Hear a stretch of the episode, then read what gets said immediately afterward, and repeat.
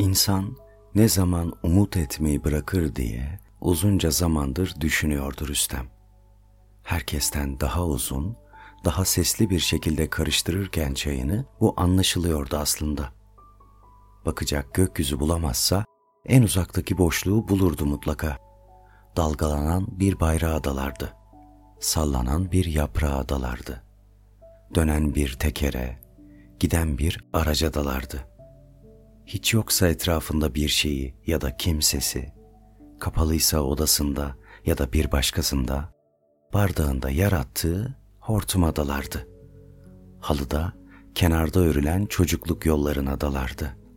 Çocukluğu girince işe, yine umutları gelirdi aklına.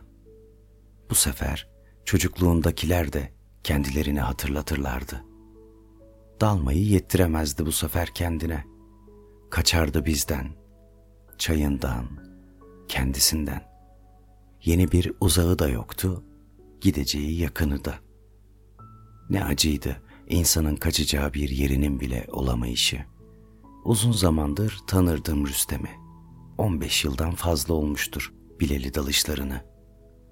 Sorardım dalışlarını, takip ederdim, yakalardım kaçışlarını. Sayısını bilemediğim kadar çok cevap alırdım her seferinde. Ama ne öğrendin diye sorsanız bir cevap veremem. Çok şey derdi demesine de asla derdine yanaştırmazdı sanki kelimelerini. Belki de biz yanaşamazdık onlara. Şiir gibi gelirdi, hayal gibi. Öyle dinlerdik düşlerini, kim bilir. Herkesin yaşadığı gibi ben de bir gün içimde hoş karşılayamadığım bir anı yaşıyordum.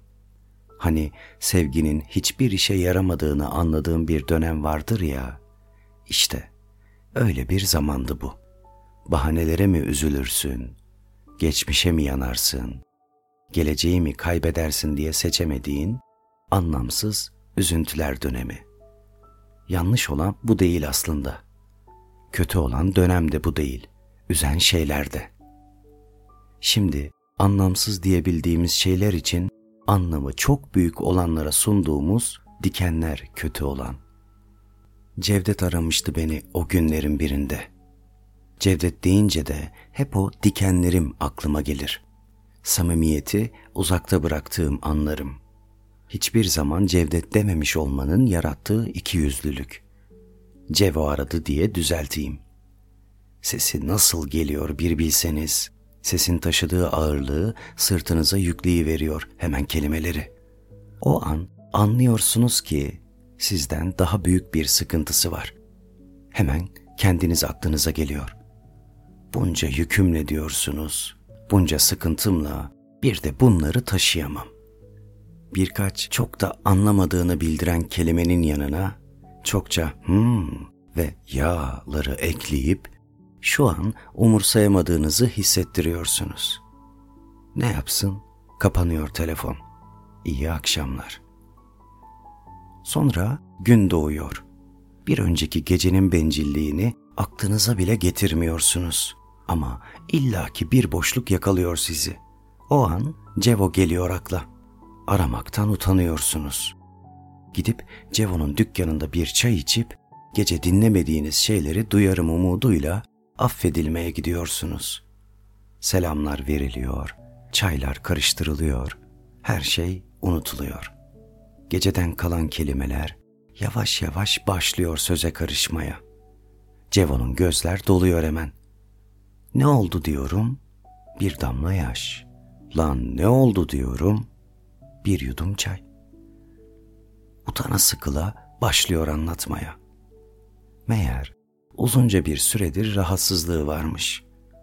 Karı koca doktor doktor dolaşmışlar. Cevo'nun iktidar sorununa çare bulabilme umuduyla. Ama bilemezdim dedi Cevo. Her yeni bir doktorda, her yeni bir umutta, sevginin, aşkın da iktidarının yavaş yavaş kaybolmaya başlayacağını bilemezdim. Hemen klasik aşk argümanlarıyla teselliye başladım tabii. Tesellinin dozunu arttırdıkça detaylar da artmaya başladı. Güleceksin ama dedi.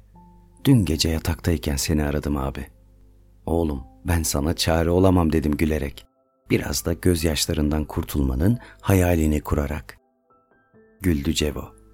Çaresinin kalmadığını anladığımız için tektim ya. Meğer Cevo sorununu dert etmeden çözmek istemiş sevgiyle. O gece bir türlü ilişkiye başlayamamışlar Cevo yüzünden. Biraz üzülmüş bizimkisi. Teselli edilme hayali kurarak üzülmüş. Sonra sevginin gücüne inanarak evlat edinme konusunu açmış. Hayatı daha da anlamlı bir şekilde güzelleştirebilmek adına. Beklemediği türden bir cevap yemiş Cevo.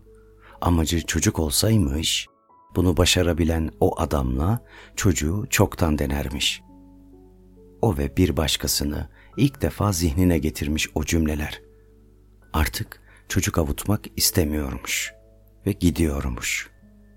Abi, çocuk hayali kuruyordum, ben çocuk oldum diyor.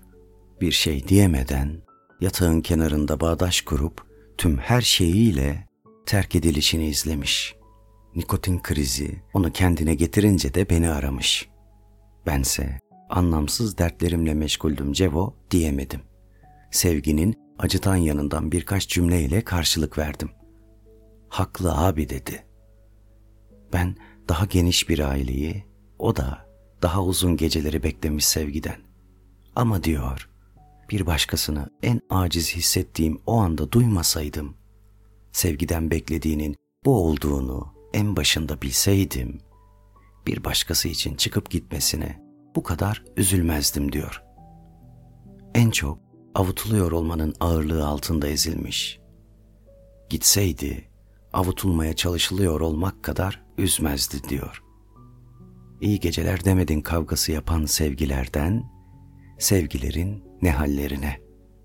Gerçekten anlamsız demekte yanılmamışım. Benden beklediğini alamayınca Rüstem'in sahildeki o meşhur yerine sığınmış Cevo. İyi gelmiş ona da o yer. Sonrası yeni bir aynı gün işte. Yalnız bırakmamak lazımdı. Öyle biliyorduk yani. Rüstem'i de aldım bir gece doğru Cevo'ya. Tabii yolda daha derinden bahsettim olanlardan. Bir şey söylemeden başını dikiz aynasına bakarak sallamakla yetindi Rüstem. Gecenin kelimeleri döndü dolaştı, o meşhur yere geldi. Güldü Rüstem. Ulan biz ağladık ağlayacağız. Nereden çıktı şimdi bu gülme? Ne der şimdi Cevo diye düşünürken ben başladı Rüstem anlatmaya. Çok değil, birkaç yıl önce bu şehre girdiğimi kokusundan anlardım. Koku burnuma dayanınca derin mi derin bir nefes çekerdim içime. Mutlu ederdi beni. Tüm şehrin pisliğinin kokusu beni mutlu ederdi. Sonra beni mutlu eden ama diğerlerine dert olan sorunu çözdüklerinde kimsesiz kaldığımı hissettim uzunca bir süre. Çalınan zilin ardına otomatın basılmaması gibi. Açılan kapının ardından hoş geldini duyamamak gibi geldi bana. Sonra bir akşam sırtımı anıta dayıyormuş gibi oturup o pisliğin sahibi denize dalarken bir vapurun hediyesi midir, dengesiz bir havanın eseri mi bilmem, deniz birkaç damlayla cevap verdi bana. Bana hoş geldin dedi adeta. Ne zaman bir hoş geldine ihtiyacım olsa hemen gittim ben de oraya. Ya vapur denk gelmedi ya hava çok güzeldi genelde ya da gerçekten hoş gelmedim ben denize. Bilmiyorum. Sonra dertlerimin büyüklüğünü ölçmeye başladım damlalarla. Birkaç damla sekiyorsa yüzüme denizden, derdim geçerliydi. Doya doya dertlenebilirdim. Eğer damla yoksa anlamsız derdim. İşte böyle. Anlarımız yüzünden şehrin pisliğiyle mutlu olmaya çalıştık biz. Herkes tiksinirken ondan biz mutlu ediyor zannettik. Yokluğa inandık. Bari sevilmeyen bizi sevsin ümidi taşıdık hep. Ne kadarını anlatabildim bilmiyorum ama işte biz bu şehrin lacivertleriyiz.''